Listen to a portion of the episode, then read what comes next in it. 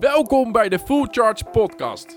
Wij zijn Jordi en Estrella, broer en zus en founders van Full Charge met één gezamenlijke missie waar we ongekend veel energie van krijgen. Jou helpen om de meest succesvolle versie van jezelf te worden door simpele en leuke routines. Als host van deze podcast slaan wij onze handen ineen met de meest interessante personen die vertellen over mindset, gedrag en verandering. Samen voorzien we jou van alles wat je nodig hebt voor jouw dagelijkse groei. Staan de lampen aan? Check! Draaien de camera's? Wacht even. Check! Top, we zijn klaar om te beginnen. Paul Smit, welkom bij de Full Charge Podcast. Dankjewel. Ja, nou wie had het nou kunnen bedenken hè? dat we dan 20 jaar tegenover elkaar wonen en dat we dan nu aan één tafel zitten voor een podcast. Ja, en dat we met precies dezelfde thema's bezig zijn. En jullie wonen daar aan de andere kant van de vijver. Ja, Ongelooflijk. bizar. Ja, want eh, we zijn natuurlijk allebei bezig met verandering. Eh, zo zijn we elkaar ook, ja, zo zijn we elkaar ook tegengekomen. Hebben elkaar zo benaderd. Ja. Van, eh, misschien kunnen we wel iets voor elkaar doen of met elkaar doen op het gebied van verandering. Mhm. Ehm, want verandering is best wel een complex onderwerp en daar willen we allebei mensen mee helpen. Juist. Dus we hebben allebei datzelfde doel van oké, we willen mensen vertellen over verandering en uitleggen hoe verandering werkt. Ja, Ehm, waarom is het allemaal zo moeilijk voor mensen, die verandering? Waarom is dat onderwerp verandering zo complex? Nee, het, het- begint erbij dat mensen eh, niet goed begrijpen hoe hun eigen brein werkt. Hm. Dus ehm, onze eh, neocortex, dat is het nieuwste deel van het brein, die roept van alles. En dat noemen we ook wel de verhalenmaker. Eh, alleen we vergeten dat we twee oudere delen in het brein hebben en die zijn veel sterker. Vandaar dat eh, goede voornemens eh, mooie verhalen zijn die uiteindelijk eh, ja, falen vaak. Ja, ja, ja, ja, want het is nu natuurlijk januari, dus heel veel mensen stellen ook goede voornemens. Wat maakt het nou dat dat dan mislukt? Naast die twee breinen, hoe komt dat? Nou, ehm, ik zal ze even alle drie belichten. Dat is misschien een Dat is makkelijk voor Ja. het hele gesprek. Het oudste deel, dat noemen we ons reptielenbrein. Mhm. En die bekommert zich maar om twee dingen. Die wil overleven Ja, en die wil alles doen vanuit routine om energie te besparen. Ja. Dus een krokodil, een reptiel, wil ook alleen maar overleven. En is al miljoenen jaren precies hetzelfde. Want ja, die routines die dienen dat beest. ja, Ehm, die, nou, dat deel hebben wij dus ook. Mhm. Hè, Dat maakt ook dat in eh benarde situaties er een vecht-vluchtreactie is. Dat is gewoon je instinct. ja. Mhm. Nou, het middelste deel, dat noemen we het zoogdierenbrein. Dat deel wil eh, zoveel mogelijk plezier krijgen en pijn en moeite vermijden. Mhm. Dus dat heeft een hond ook. Die is continu bezig van, oh, hoe waar is plezier te krijgen? Ja, En, eh, maar pijn gaat hij uit de weg. Mhm. Doen wij ook. Ja, En ons nieuwste deel in het brein, dat noemen we de neocortex. Daarmee kun je nadenken. Dat is een heel intelligent, sociaal deel. Eh, daarmee kun je doelen stellen, goede voornemens maken, wiskundige sommetjes oplossen. Hartstikke handig. Alleen, dat nieuwste deel in het brein is lang niet zo sterk als die oudere twee delen. Hm. Vandaar is dat de dingen die je roept, eh, zelden zijn dat het ook de dingen zijn die gebeuren. ja. ja. Want het is ook zo dat dat uiteindelijk hetgeen is wat je bewust kunt doen, toch? Maar die andere twee delen van het brein, daar zitten eigenlijk alle onbewuste routines en patronen.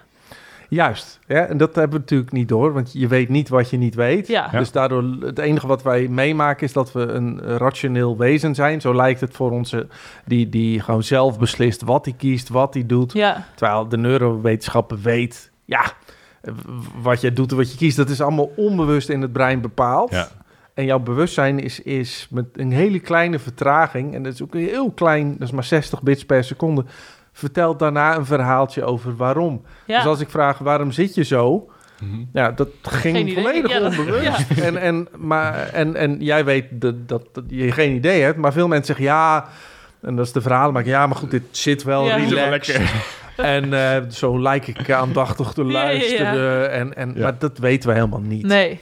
Nee. Grappig is dat eigenlijk om zo te merken. Want eh, die verhalenmaker, eh, kan je daar iets meer over uitleggen? Wat doet hij precies? En verschilt het ook per dag of eh, op, per moment op de dag, zeg maar? Ja, kijk, die neocortex, dat is dus ook het, het, het beetje het rationele brein, wat dat middelste deel, dat zoogdierenbrein, dat is het emotionele brein, ja. die probeert die wat te dempen. Ehm, maar als die neocortex moe is, of als je bang bent, of als je veel stress hebt, doet die neocortex het niet goed. En dan zie je Hmm. dat mensen dus meer primair gedrag gaan vertonen, maar ook emotioneler worden. Oké. Nu, 's ochtends, als je bent uitgerust, is de neocortex sterk. Dus dan zie je ook, 's ochtends ben je gedisciplineerder. 's ochtends eh, hou je ook vaak meer aan je, eh, je plannen die Ja. je maakt. En 's ochtends, ehm, ja, we weten dat brein gewoon de emoties een beetje in balans te houden. Ja. Hm. Maar gedurende de dag wordt die neocortex moe. Mhm. En wat houdt dat in? Eh, hoe meer verleiding je op de dag hebt, hoe vaker je op de, de, de rem moet trappen, des te meer die remschijven slijten. Ja. En we weten allemaal, s'avonds, ja, als je denkt, nee, die zak chips ga ik niet eten. Aha. Ja, die neocortex, die, die wint het nooit. En dus ga je het toch pakken. Ja. S'avonds word je ook emotioneel instabieler en s'avonds pieker je meer. Ja. Dat is hoe dat brein werkt. Ja. Ja, dus Dan, dan kom je met de excuses voor je eigen gedrag in de avond van die zak chips. En dan denk je van, nou, ik, ik doe dat al morgen allemaal wel. eh, ik begin morgen wel met die, met die goede start. Dus dat zijn allemaal verhalen die je zelf dan aanpraat, die neocortex. Ja, Om dus jouw echte gedrag te beïnvloeden uiteindelijk. Nou ja, het, om het goed te praten, hè, dat noemen we in de psychologie cognitieve dissonantie. Ja. Dus ehm, het, het primaire deel, het onbewuste deel, zeg maar, doet iets. Ja. En omdat dat er niet helemaal strookt met het plan dat je had, begin je een verhaal te vertellen, zodat je je weer goed voelt over jezelf. Ja. En dus dan, nou goed, maar één zak chips maakt ook niet uit. En eh, dan ga ik morgen wel eh, beginnen met afvallen. Ja. Ja. En dus, dus dat is ook de gemiddelde vergadering, is niets meer dan een verzameling cognitieve dissonantie. waarbij iedereen probeert te verklaren waarom die doet wat hij doet, et cetera. Ja, Ja, het is Ja. denk ik ook wel iets wat heel herkenbaar is voor iedereen. Tenminste, als je het hebt over een zak chips, dan denk ik gelijk aan het zinnetje wat in mij opkomt van... oh, een paar chipjes maken niet uit. Maar ja, die paar chips resulteren in heel die zak. ja. En dan denk je, ja, ah joh, morgen weer een nieuwe dag. Ja. En zo gaat het natuurlijk van dag tot dag door. Ja. Ja. het is zelden dat je zegt zo, wat ben ik knetterdom zeg. Wat heb ik weinig wilskracht en discipline. Ik ben een lapswans. Soms denken mensen dat ook, maar vaak is het toch, te- zeker ten opzichte van andere Ja. mensen, Hm? hè, dat, je, dat je met een hele verklaring komt. Dan kan de politiek is daar heel goed in. Ja, Ja, het is allemaal bla bla bla van die neocortex om, om eigenlijk eh, die primaire delen een beetje ja, een verklaring te zoeken. ja, Ja. Elon Musk die zei dat eh, laatst leuk in een eh, podcast. Hij zegt eigenlijk, wat, wat die neocortex doet, is alleen maar een verhaaltje verzinnen over die oudere delen. En die oudere delen hebben zoiets van, eh, nou, hij zegt eigenlijk draait het allemaal om seks. En, en die oudere delen zeggen tegen die neocortex, ga jij eens even intelligent doen, want dan eh, kun je voor ons seks regelen. Nou, hij zegt, en dan gaat die Dan gaat hij leuk doen, ja. die gaat leuk op pad, die gaat heel intelligent praten, podcast opnemen, liedjes schrijven, eh, eh, zijn mening op Twitter tonen en, en op social media posten. Terwijl die heeft geen idee dat het gewoon een soort marionet is van die oudere delen die zeggen, joh, regel dat is. Dus menselijk gedrag is heel grappig. Ja, ja, zeker als je er zo naar gaat kijken, Ja, ja, dan ja. wordt het heel leuk. Ja. Ja. Ja. Maar dit is hoe gedragsverandering niet lukt, hè? Maar de vraag is dan natuurlijk, hoe lukt het wel? Ja, oh ja. Ja, ja, Ja, gewoon niet. Ja. het is niet mogelijk. Nee, daar hebben ze natuurlijk veel onderzoek naar gedaan. De beste verandertool is eh, Implementation Intention. Ja. Dat is eigenlijk de tool die jullie gebruiken in de Ja. app. Ja. Mhm. Die is door meer dan 100 wetenschappelijke studies eh, getest. En dan blijkt, dit is de beste manier. Ja. En hoe die werkt, is, is eigenlijk gewoon boerenwijsheid. Heel simpel. Ja. Heel simpel. Het, het draait erom dat je de routines die je hebt, die verankerd zijn in dat reptiele brein, dat je die gaat aanpassen. Dus het zijn allemaal kleine routines. Dus met kleine concrete stappen bouw je nieuwe routines, Ja. waardoor je gedrag uiteindelijk verandert. Mhm. En dat kun je het beste doen met de als-dan techniek. Mhm. Je hebt op de dag al heel veel routines. En dan kun je het beste aan zo'n routine een nieuw gedrag hangen. Heel simpel, als ik eh, s ochtends koffie pak, dus als ik mijn koffie neem, dan pak ik een glas water. Ja. Mijn brein weet, oh, koffie, glas water. Nou, en door zo'n routine, als ik dat gewoon drie weken lang doe, Mhm. hoef ik er niet meer bij na te denken, zit het in mijn systeem. En dan ga ik toen naar het volgende gedragspunt. Hè? Ja. Dus als ik heb gedoucht, dan doe ik 20 sit-ups. Hm. Nou, als je dat zo geleidelijk aan gaat inbouwen, wordt dat je nieuwe routine en dan gaat het onbewust automatisch. Ja, En dat werkt. Wat niet werkt is met je neocortex eh, doelen stellen van en nu ga ik eh, afvallen en nu ga ik vijf keer naar de sportschool en, en eh, me helemaal aftrainen. Ja. Ehm, daar red je het niet mee. Ja, Nee. dat is voor ons ook wel herkenbaar. Want ik- we zeiden in de vorige aflevering tegen elkaar dat we, we hadden vijf jaar geleden hadden wij het doel om gezond te gaan leven. En toen eh, hadden we een boodschappenkar helemaal volgedaan met allemaal producten die allemaal gezond waren. Nou, en dat hielden we dan twee, drie weken vol. En toen op een gegeven moment dachten we van, ja, maar ja, al die andere dingen zijn eigenlijk ook allemaal wel. En, dan merk je dus gewoon dat, dat heel veel mensen die staan met zo'n alles of niks gedachte, beginnen ze aan iets. En dat is dus ook de reden waarom diëten zo populair zijn. Ja, En echt van, oké, dan heb je heel snel resultaat en dat is wat mensen willen. Ja. En dan merk je dus gewoon dat dat niet iets is voor de lange termijn. Dat je echt moet gaan voor die concrete kleine stappen. En wat jij dus ook zegt, dat het heel erg belangrijk is om dat stap voor stap te doen. ja zoals Sonja Bakker, eh, dat werkt allemaal niet. Nee. Ja, dat is al duizend keer bewezen dat het niet werkt. Ehm, het gaat erom eh, dat je ook niet te grote doelen stelt, Ja. want dat haal je niet. Nee. Ja, Mhm. dus zeg niet, ik ga nu 10 kilo afvallen. Nee, implementation intention. Als ik 's ochtends ontbijt, dan neem ik dat en dat ontbijt, gezond ontbijt. Ja. Pas nou eerst eens je ontbijt aan. Als je dat al tussen de 21 en 66 keer herhaalt, Aha. wordt het je routine. Ja. Als dat gelukt is, dan ga je naar de lunch. Ja. Ja, en dan, daarna ga je naar je diner. En daarna nog al die hapjes tussendoor. Ja. Maar doe het met kleine, concrete stappen. En dat doen mensen bijna niet. Ja. En dat is voor het brein ook niet zo populair. Want dat emotionele brein van ons, wat super lui is...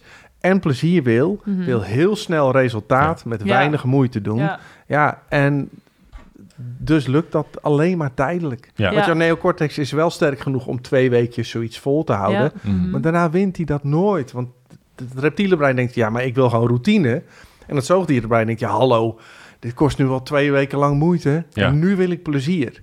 Hmm. Dus vandaar dat het eh, Ja. voor veel mensen niet lukt. Ja, Nee. dus het uiteindelijke doel is om dat onbewuste te veranderen en om dat aan te gaan pakken. Hoe moeilijk dat in het begin ook misschien wel lijkt en ook is, omdat het, dat brein, dat zit natuurlijk als jouw diepste brein, ehm, die dat wel graag wilt zien, maar er liggen nog andere breinen boven, Ja. die ook een, ja, willen meespelen in het verhaal. Ja, alleen het, het is niet zo moeilijk als jij het op de juiste manier weet in te richten. Want ze noemen het ook wel de 1%-regel. Ja. Als je maar 1% van je gedrag op, op een dag weet aan te passen en daar een nieuwe routine van maakt, Ja, dat is al genoeg. Ja. Want als je dan op jaarbasis kijkt, ja, dan heb je een behoorlijke verandering Ja. doorgemaakt. Ja. Maar begin met 1%. Ja, ja, dat zeggen wij ook altijd. En we krijgen ook best wel vaak dan te horen van... Ja, jullie, doen, jullie eten en gezond en je beweegt, hè? En je doet dit en dat en zus en zo. Dan denk ik, ja, maar dat heeft echt zes jaar gekost... voordat we dat nu allemaal dagelijks doen. Ja, ja, Maar dat zie je vaak niet bij mensen. Want het is gewoon, ja, die heeft wel alles eh, in controle, zeg maar. En ik, nee, zo, zo werkt het echt niet. Het is echt stap voor stap. En ook een stukje discipline. Je moet, ja, je moet het wel doen. ik zag een keer een bizarre documentaire over twee mensen die gingen een berg beklimmen eh, in de sneeuw. En op de terugweg eh, ging het mis. Ehm, zij eh daalde af en toen één gleed weg. En zitten ze met een touw aan elkaar, maar die Oh. hing boven een gletsjer te bungelen. Oh, En die gast boven heeft nog een uur lang zo gezeten, maar die moest op een gegeven moment wel het touw doorsnijden, want anders ging die ook. Oh. Dus die snijdt het touw door. En nou, die gast valt in die gletsjer. Nou, echt super bizar verhaal. Die breekt zijn been, ja. weet dan helemaal de gletsjer in te gaan en eruit te komen, maar moet dan nog kruipend 12 kilometer naar het kamp. En die legt heel goed uit. Hij zegt, in het begin dacht ik alleen maar aan het kamp. Oh. Hij zegt, en ik verloor mijn motivatie. Ja, En ik heb op een gegeven moment gelegen van, nou, dan ga ik maar dood. Hij zegt, en toen ben ik het anders gaan doen. Ik dacht, ik wil eerst naar dat punt wat ik daar zie. Aha. Hij zegt, Ah. en dat motiveerde me dat ik dacht, oh, maar dat kleine stukje. Hij zegt, nou, ging kruipen, kruipen. En als ik bij dat punt was, ging ik weer naar een volgend punt. ja. En zo heeft hij dus met iedere keer kleine concrete doelen, die ook haalbaar eh, bleken in zijn brein, Hm. wist hij het kamp te halen. ja. Echt, en toen dacht ik, ah, dit is zo'n goed concreet voorbeeld van gooi het doel niet te ver. Als iemand in jullie ziet en denkt, ja, maar die hebben alles in één Ja, keer goed. ja. Dat is ook super irritant als je een fitnessinstructeur hebt die volledig afgetraind is, Ja. alleen maar eh, water drinkt en, en vitamines en, en jij denkt, ja, eh, eh, dat haal ik nooit. Ja. Dus begin klein. Ja. Ja. Mooi voorbeeld is het wel. En Ja. heel concreet. Ik sprak ook gisteren iemand en die zei... eh, ik probeer te mediteren in de ochtend, want ik ervaar heel veel onrust in mijn hoofd. Maar zei, elke keer na drie dagen, dan val ik weer terug. Dan, dan heb ik er geen zin in, ik vind het niet leuk en het helpt me ook niet. Want ik zit er dan op zo'n kussen en dan denk ik, wat doe ik hier eigenlijk? Eh, en toen gaf ik ook aan van... Als het iets is wat jou op dit moment ook niet helpt, dan is het misschien iets anders wat je moet proberen. Wij zijn ook altijd van het experimenteren en leren. Want Ja. er zijn zoveel routines en stappen die je kunt zetten. Ja, Ehm, dat, ja, dat wou ik altijd zeggen, hou het simpel en leuk voor jezelf. Dat is gewoon Ja. een van de dingen die je sowieso moet doen. En waar, waarom ik hier naartoe stuur is, er zijn natuurlijk verschillende dingen die jou helpen om bepaalde routines te creëren. En die ervoor zorgen dat je het op lange termijn doet. Ja. En wij zeggen dan simpel en leuk is er één. Ja. Het stap voor stap werken is er één. Ja. Ehm, maar jij kan vast ook nog wel toelichten welke Zat. andere dingen er zijn. Maar de, de- de belangrijkste twee zijn dan het inrichten van je omgeving. Ja, Eh, dus wil jij gaan mediteren 's ochtends, zorg dat alles al klaar ligt. Je matje klaar, het eh, zachte muziekje op. Dat je met, met zo min mogelijk moeite dat hoeft te doen. ja, Hmm. Of als jij vaker wilt eh, hardlopen, zorg dat je sportschoenen en in je kleding al klaar ligt. Want als je een hele lage drempel hebt voor je brein, ga je het sneller doen. ja precies. Hè, dus en ik heb hier ook eh, alleen maar water staan, zoals je ziet. Ja. Hè, dus ik richt mijn omgeving anders in. Er is hier geen cola te vinden. Dus mijn zoon die komt beneden en denkt, oeh, water. ja, ja. Ja, en dat is voor dat zoogdierbrein makkelijk en snel. Eh, mhm. Dus zo stuur je gedrag met omgeving. Mhm. En de tweede is sociale druk. Als iemand mediteren niet leuk vindt, als iemand samen met jou komt mediteren, zeker weten dat dat jou motiveert. ja. Als jij samen gaat hardlopen, dan kom je Ja. s'avonds wel van de bank. ja. Maar in je eentje red je het niet, want onze eigen wilskracht wordt totaal overschat. mhm. Maar sociale druk, gewoon hulp en, en de verbinding met anderen maakt dat jij dat wel gaat doen. Ja, ja, en dat zien wij ook heel erg. Hè? Want de mensen die, eh, die het programma bij ons volgen, die krijgen ook dagelijks ondersteuning. En je ziet ook gewoon, omdat er iemand meekijkt en omdat iemand je aanmoedigt, dan ga je het gewoon doen. En dat heeft elk Ja. mens, ja. Ja. Ja. Ja, Ja. Dat is, we hebben elk, het is ook het stemmetje van jouw vriend of vriendin weegt veel zwaarder dan je eigen stem. Dus als ik 's ochtends, eh, of 's ochtends, 's avonds een biertje wil. S ochtends al, dus- jee. oh, nee, die verspreek ik me toch. Jee, ja. Eh, We dachten net al. Ja, ja, ja. Dan, op het moment dat ik daar naartoe loop, dan roept mijn neocortex nog, ja, misschien niet heel handig. Ja. en, en, maar dat oudere deel denk ik, eh, lekker Let's biertje. go. Ja. Ja. Maar als mijn vriendin zegt, hé, hey, maar jij zou toch niet drinken?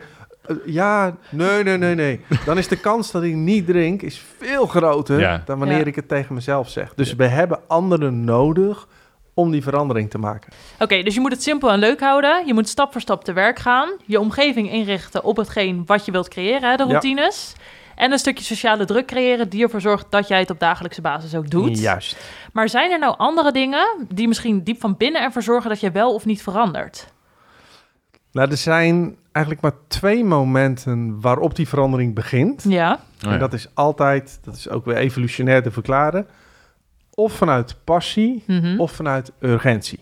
Mhm. Dus even terug naar de oertijd. Hè. Het grootste deel van ons brein is ge- eh, ontwikkeld toen we op de savanne leefden. Mhm. Ehm, dus je, je was gewoon een oermens. ja, En wanneer ging jij veranderen? Nou, liever niet. Want op het moment dat jij eh, energie kon besparen door gewoon je routines aan te houden, was dat prima. Want je wilde energie besparen voor het geval dat je moest vechten of vluchten. Ja. Nou, wij mensen veranderen dus vanuit urgentie. Dus Mhm. als er een bedreiging was van een andere stam... of er was opeens een, een natuurramp, schaarste... nou, dat zien we nu ook met corona... dan Ja. opeens veranderen we massaal ons gedrag. ja, En die andere is passie.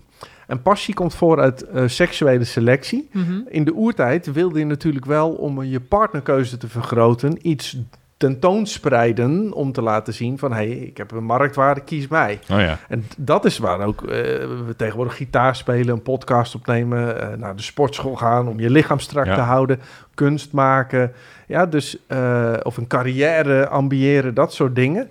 Eh, dus dat is, dat is biologisch gezien gewoon seksuele selectie. Ja. Hè? Want je wilt even, het is de pauw met zijn veren, hè? of de man met zijn hummer, dat is precies hetzelfde. Ja. Van hallo, kies mij. Ja. Dus passie komt eh, daaruit voort. Dus, Hmm. dus veranderen we, ja, of vanuit die passie, Mhm.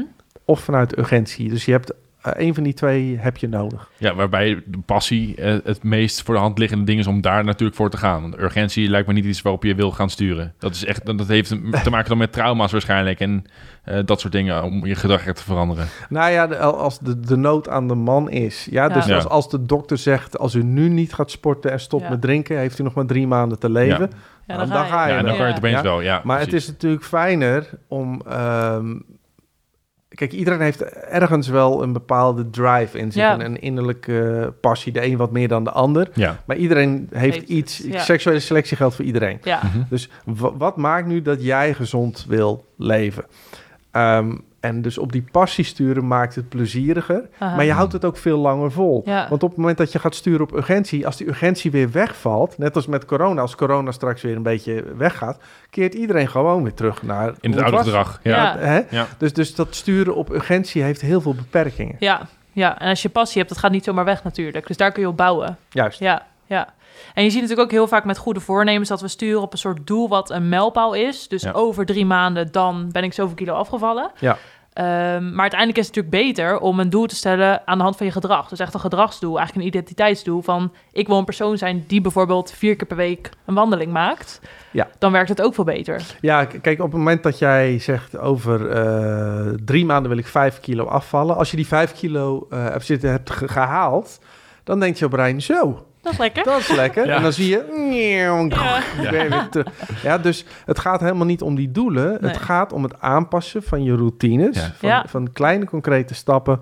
Eh, want als dat lang genoeg eh, herhaald is en het is geïntegreerd in dat oude deel van jouw brein, hoef je er helemaal niet bij na te denken. Nee. Dan gaat het vanzelf. Ja. Ja, en wat ik ook wel belangrijk vind, is dat zo'n doel als 5 kilo afvallen, dat zegt helemaal niks. Nee. Dat, ja, hoe ga je dat dan bereiken? Weet je wel? Ja, die 5 kilo dat is leuk om te zeggen, Hmm. maar wat gaat daar nou voor zorgen? En dat zien we dus heel vaak fout gaan bij heel veel mensen. Ja. Dat ze echt denken aan een uitkomst, maar dat er helemaal geen concreet plan achter zit van hoe, hoe we dat nou kunnen doen. Bij bedrijven ook. Wij willen de meest klantvriendelijke verzekeraar worden. Dat is totaal abstract. Ja, Ja, snapt het brein helemaal niks van. Dat is totaal niet vertaald naar hoe gedragen we ons dan. Ja. Ja. Maar ook niet welke routines gaan we nu aanpassen eh, en, en trainen om dat voor elkaar te krijgen. Vandaar Mhm. dat, dat verandermanagement, dat gaat over het algemeen totaal in rook op. Ja. Omdat we met die neocortex maken we plannen, beleidsplannen, Excel-sheets, Ja. protocollen. En als mensen dan niet doen wat we willen, dan gaan we allemaal controlemechanismen bouwen. Dan gaan we met software scannen, KPI's meten, managers erop zetten, eh, nog meer vergaderen. Ja, het is, het is soms hilarisch om te zien hoe averechts de dingen gedaan worden. Ja. Ja. ja, want jij gaat natuurlijk heel Nederland rond om te praten over verandering. Eh, en wat is dan hetgene wat je nou het meeste opvalt bij mensen als je dus praat? Dit, dit waar we Ja, nu- want, ja. ja, het is, het is, en, en op het moment dat je dan weer zo'n manager in je nek hebt hijgen om te kijken eh, of jij wel functioneert, dan zeg ik ja, in de oertijd, wat deed jij? Jij ging een leider volgen, daardoor Ja. werd die leider. Je ging kijken, oké, wie heeft hier het meeste talent? Ja. Nou, dat waren vaak mensen op leeftijd, ehm, die, die empathisch waren naar de groep, eh, die je kon vertrouwen, die authentiek waren, die ging je volgen. Ja. Hm. Want die kwamen thuis met, eh met everzwijnen. Hè, of die wisten in het kamp wisten ze de dingen goed te organiseren. Ja. Ehm, het was niet zo dat als jij ging jagen, dat er een manager naast jou liep met een, met een notitieblok om jouw KPI's te meten. Hoe efficiënt Ja. jaag jij? Hoe snel ren jij? En houd je wel aan de protocollen? Ja. Die mensen werden gewoon doodgemaakt als ze al hadden bestaan. Ja. Ja. Dus eh, zo'n manager voegt niks toe. Hmm. We hebben leiders nodig Ja. maar geen managers. En daar gaat het in het bedrijfsleven eh, heel vaak fout. Ja. Ja, Ja. ja, te veel bijkomende regeltjes die maar worden bedacht om op te volgen. Terwijl dat dus eigenlijk niet bijdraagt aan de efficiëntie van het hele proces. Ja, dus we, Uiteindelijk, we ja. proberen weer met het ratio gedrag te sturen... Hmm. door maar eh, met sancties te werken of een beloning... wat ook niet werkt, tijdelijk, maar dat is een heel ander verhaal. Eh, d- dus we sturen heel eh, gemaakt het gedrag... Ja. Hm. En we, we zoeken niet naar wat eh, leeft er nu intrinsiek bij mensen... en hoe kunnen we aan de hand van de juiste neurowetenschappelijke eh, tools... Ja. Gewoon de groep meenemen. Want dat kan wel, maar je Hmm. moet wel begrijpen hoe het werkt. ja, want is het ook zo... We hadden het net natuurlijk over die passie en urgentie. Hm. Er wordt misschien wel eens vanuit een bedrijf een bepaalde urgentie opgelegd. Van dit moeten we nu doen. Ja. Maar als dat voor jouzelf niet voelt als een urgentie... is dat dan ook iets wat je blokkeert in het hele proces? Ja, dat noemen we, dan ga je meestribbelen. Ah. Dus je, eh, eh, George Carlin zei ooit, je werkt net hard genoeg om niet ontslagen te worden. Hmm. Ehm, eh, ja, dat is zonde. Alleen wat je dan krijgt, en dat zie je in veel bedrijfsleven... eh, we mogen geen fouten maken. Ja. Mhm. Eh, dan krijg je een heel gemiddeld Ja. bedrijf. Hè? Dus een, eh, ik coach nu Daan Jensen, die is tenniscoach. En die liet ook goede voorbeelden zien van Federer en Nadal en zo. Die zijn niet bezig met geen fouten maken. Nee. Want dan waren ze hele gemiddelde tennissers Ja. gebleven. Nee, Ja. het is passie en talent. En hoe kunnen we dat waar we goed in zijn, Ja. Kunnen we dat maximaal benutten. Mm. Oké. En een goed voorbeeld vond ik dat Nadal bijvoorbeeld die heeft een iets mindere backhand. Ja, nog steeds op wereldniveau. Ja. Maar, en dus hij, als hij loopt, dan rent hij extra ver, zodat hij met zijn voorhand kan slaan. Ah. Ja, hij speelt eromheen. Ja. Ja. Dus dat is natuurlijk, dat soort dingen, denk ik, oh, dat, dan maak je er maximaal gebruik van. Als Ja. we dat nu eens bij mensen ook zouden doen, Ja. ja. Ja. dan hebben we echt, dan gaat er nog zoveel meer. Meer, ja. Maar nee, wat we vaak doen is dat waar je niet goed in bent, Dat dat, moet je ontwikkelen. Ja. Dan moet je mij een boekhoudcursus sturen, maar dan ga ik echt niet beter van boekhouden. zeg Nee, maar. nee, en zo begint het natuurlijk al op school. Dat zeggen we ook wel eens. Ja. Zo wordt het je op school gewoon verteld. Ja. Ja. Tuurlijk. Jij krijgt extra aandacht voor lezen bijvoorbeeld, omdat je het niet kan. En uiteindelijk is lezen bijvoorbeeld wel belangrijk. Maar ik zeg ook altijd van, als we ons nou allemaal focussen op waar een kind wel goed in is, ja, dan wordt het Plato zei al, als iedereen Ja. gewoon doet waar hij goed in is, is er overvloed in alles. Ja. Eh, maar wij eh, maken van mensen, niet ieder bedrijf van, maar vaak is het gewoon eenheidsworst. Dit Ja. is je functie. Ja. En eh, niet te ver buiten de lijntjes kleuren. En, eh, Ja. Dus er is nog veel winst te behalen. Ja, Ja. ja, jammer dat het zo gaat, maar aan de andere kant, het biedt ook uitdagingen voor ons Hey, daar hebben jullie weer veel ja, precies. nou, ik denk dat we hier nog wel uren over door kunnen praten. Mhm. Maar ehm, ik ga er gewoon langzaam naar het einde. En we stellen altijd een vraag. Eh, en die vraag gaat natuurlijk over routines, want dat is waar deze podcast over gaat. En dat is, op welke routine die je op dit moment doet, ben je het meest trots? Ehm, nou, op dit moment in mijn leven is dat ik gewoon veel minder prikkels toelaat. Aha. Ja, dus ik zit bijna niet meer op social media. Ik heb geen nieuws. Ik, ik haal zoveel mogelijk buiten de deur. Ja, En dat ik eh, s s'avonds gewoon veel meer rust pak. Ik ben zo'n mannetje die aan het ondernemen is en gemiddeld 70 uur per week gaat. Ja. ja. En ik word nu ik- iets ouder, dat scheelt. Ik, ehm, ik vind het soms gewoon s'avonds, zet ik alles uit, zet ik mijn telefoon uit. En dat is zo fijn. Ja, dat Ja. is lekker. Ja. Ja, want jouw brein maakt jou wijs dat alles belangrijk is. Ja, ja, ja. En dat is helemaal niet. Nee, En eh, dus daar ben ik het meest blij mee. ja, dat snap ik wel. Na al die jaren knijterhard continu doorgaan, is het denk ik ook wel een stap. Om in één keer dan te zeggen, ik ga af en toe, of niet in één keer, want het is natuurlijk ook weer iets wat je stap voor stap doet, maar wel om die... Ja, maar dat, te maken. dat moet Ja. je ook leren. Hè? Ja. Dat je op een gegeven moment eh, eh, begint met s'avonds na acht uur, zet je telefoon eens uit. Ja, Of bekijk hem hooguit eens in de twee uur. Eh, ook mijn e-mail staat niet heel de dag meer open met ploing ploing. Ja, ja, En ja. Dus het gaat nu... En ik neem meer de tijd voor d- dingen. Ja. Dat kan nog beter, maar eh, het is ja, geleidelijk aan. 1% per keer. Ja. 1%. Nou, Kijk, ja. dan komen we toch weer mooi terug op al die dingen die we Ja, hebben benoemd. Ja, en dan ben ik ook wel benieuwd, is er ook een routine waarvan je zegt, nou, daar ben ik echt totaal niet blij mee, dat ik dat nog steeds zo vaak doe? Nou, ik ben heel erg beïnvloedbaar. Kijk, als ik thuis ben, dan eet ik gezond, eh, dan gaat het allemaal goed. Ja, Maar als met vrienden komen, hey, eh, lekker glaasje wijn, joh. Ja, ik, mijn brein, eh, dan vindt dat dan zo gezellig. Eentje en dan, dan. En dan, ja, maar na één is mijn neocortex verzwakt en dan twee. En dan, weet je, uiteindelijk heb je dan drie glazen op Ja. en dan lig je in bed. Ja, soms vier, maar dan ben ik, ik kan er niet zo goed tegen ook. En dan, maar, maar ja, ik weet dat mijn brein dat dan weer probeert goed te praten Ja. en zo. Dus dan denk ik, ik heb gewoon te veel gedronken, punt. Ja, Ja, ja, dan gooi ik er wel een glas water achter. Dus ik zit daar ook niet mee. Maar dat is denk ik iets wat... Ik vind dat dan met vrienden en zo zo gezellig. Ja. Dat ik... Ja, nee, dat, ik denk niet dat ik die ooit ga aanpassen. nee. Dus je bent er misschien niet heel trots op, maar het is wel iets waar je zegt, dat, dat hoort wel gewoon Nee, ja, bij ik eh, weet wel hoe slecht alcohol is. Ik lees ook de dingen. En denk, maar ja, ja, nou ja, ik, ik denk...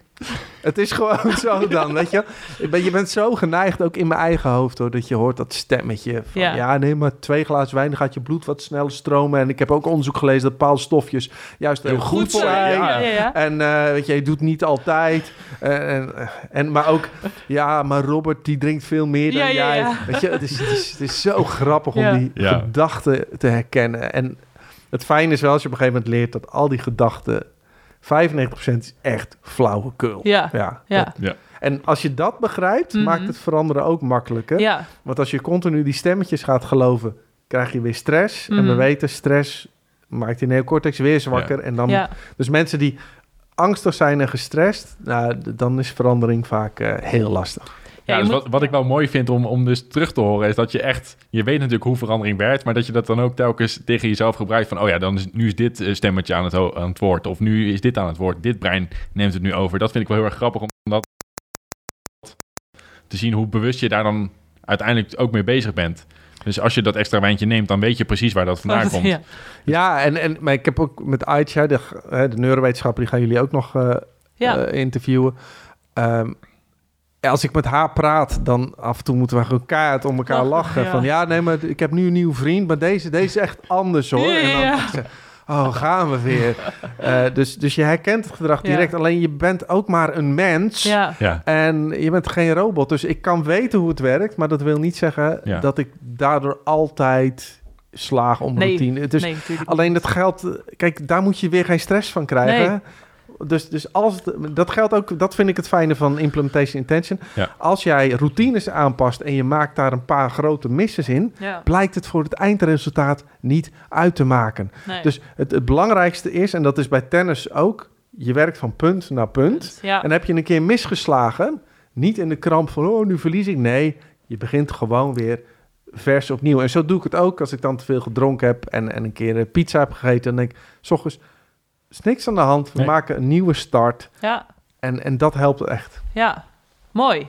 Ik denk dat we hem gaan afsluiten. Gaan we doen. Ik vind het wel leuk om aan de luisteraars mee te geven om de komende dagen is bewust te worden van die stemmetjes in je hoofd. Dus de, de groep maakt stemmetjes, die verhalenmaker. Want ik heb bij mezelf gemerkt, en ik denk dat jij dat ook hebt, hè, dat als je daarop gaat letten, ehm, dat je dan eigenlijk alles gewoon wat luchtiger gaat bekijken. Het wordt gewoon allemaal wat leuker en, Ja. en simpeler. En je denkt, oh ja, daar heb je die weer. ja Eh, je maakt verandering voor jezelf begrijpbaar. Ja. En, en, en de keuzes die je maakt. En Ja. als je dat natuurlijk weet te onderbouwen met, nou, door deze aflevering ook, dat je precies weet wat er aan de hand is in je hoofd. Ja. Ja, dan is het best wel een leuk proces om dat in de gaten te houden Precies. de komende dagen. Ja, ja, dus dat eh, als opdracht om eh, mee aan de slag te gaan. Ja. Bedankt voor het luisteren weer. De tweede aflevering. We hebben er weer eh, van genoten. En de volgende aflevering gaat plaatsvinden met Aitja. Superleuk, neurowetenschapper, maar daar horen jullie eh, in de volgende aflevering alles over. Dus voor nu bedankt. Laat ons weten wat je van deze aflevering vond. En dan zien we jullie in de volgende aflevering. Dankjewel voor het luisteren naar deze aflevering. Wil jij op dagelijkse basis werken aan de routines van de meest succesvolle versie van jezelf? Vergeet dan niet te kijken op fullcharge.nl voor onze actiegerichte programma's. We zien je graag bij de volgende aflevering. En in de tussentijd, stay charged!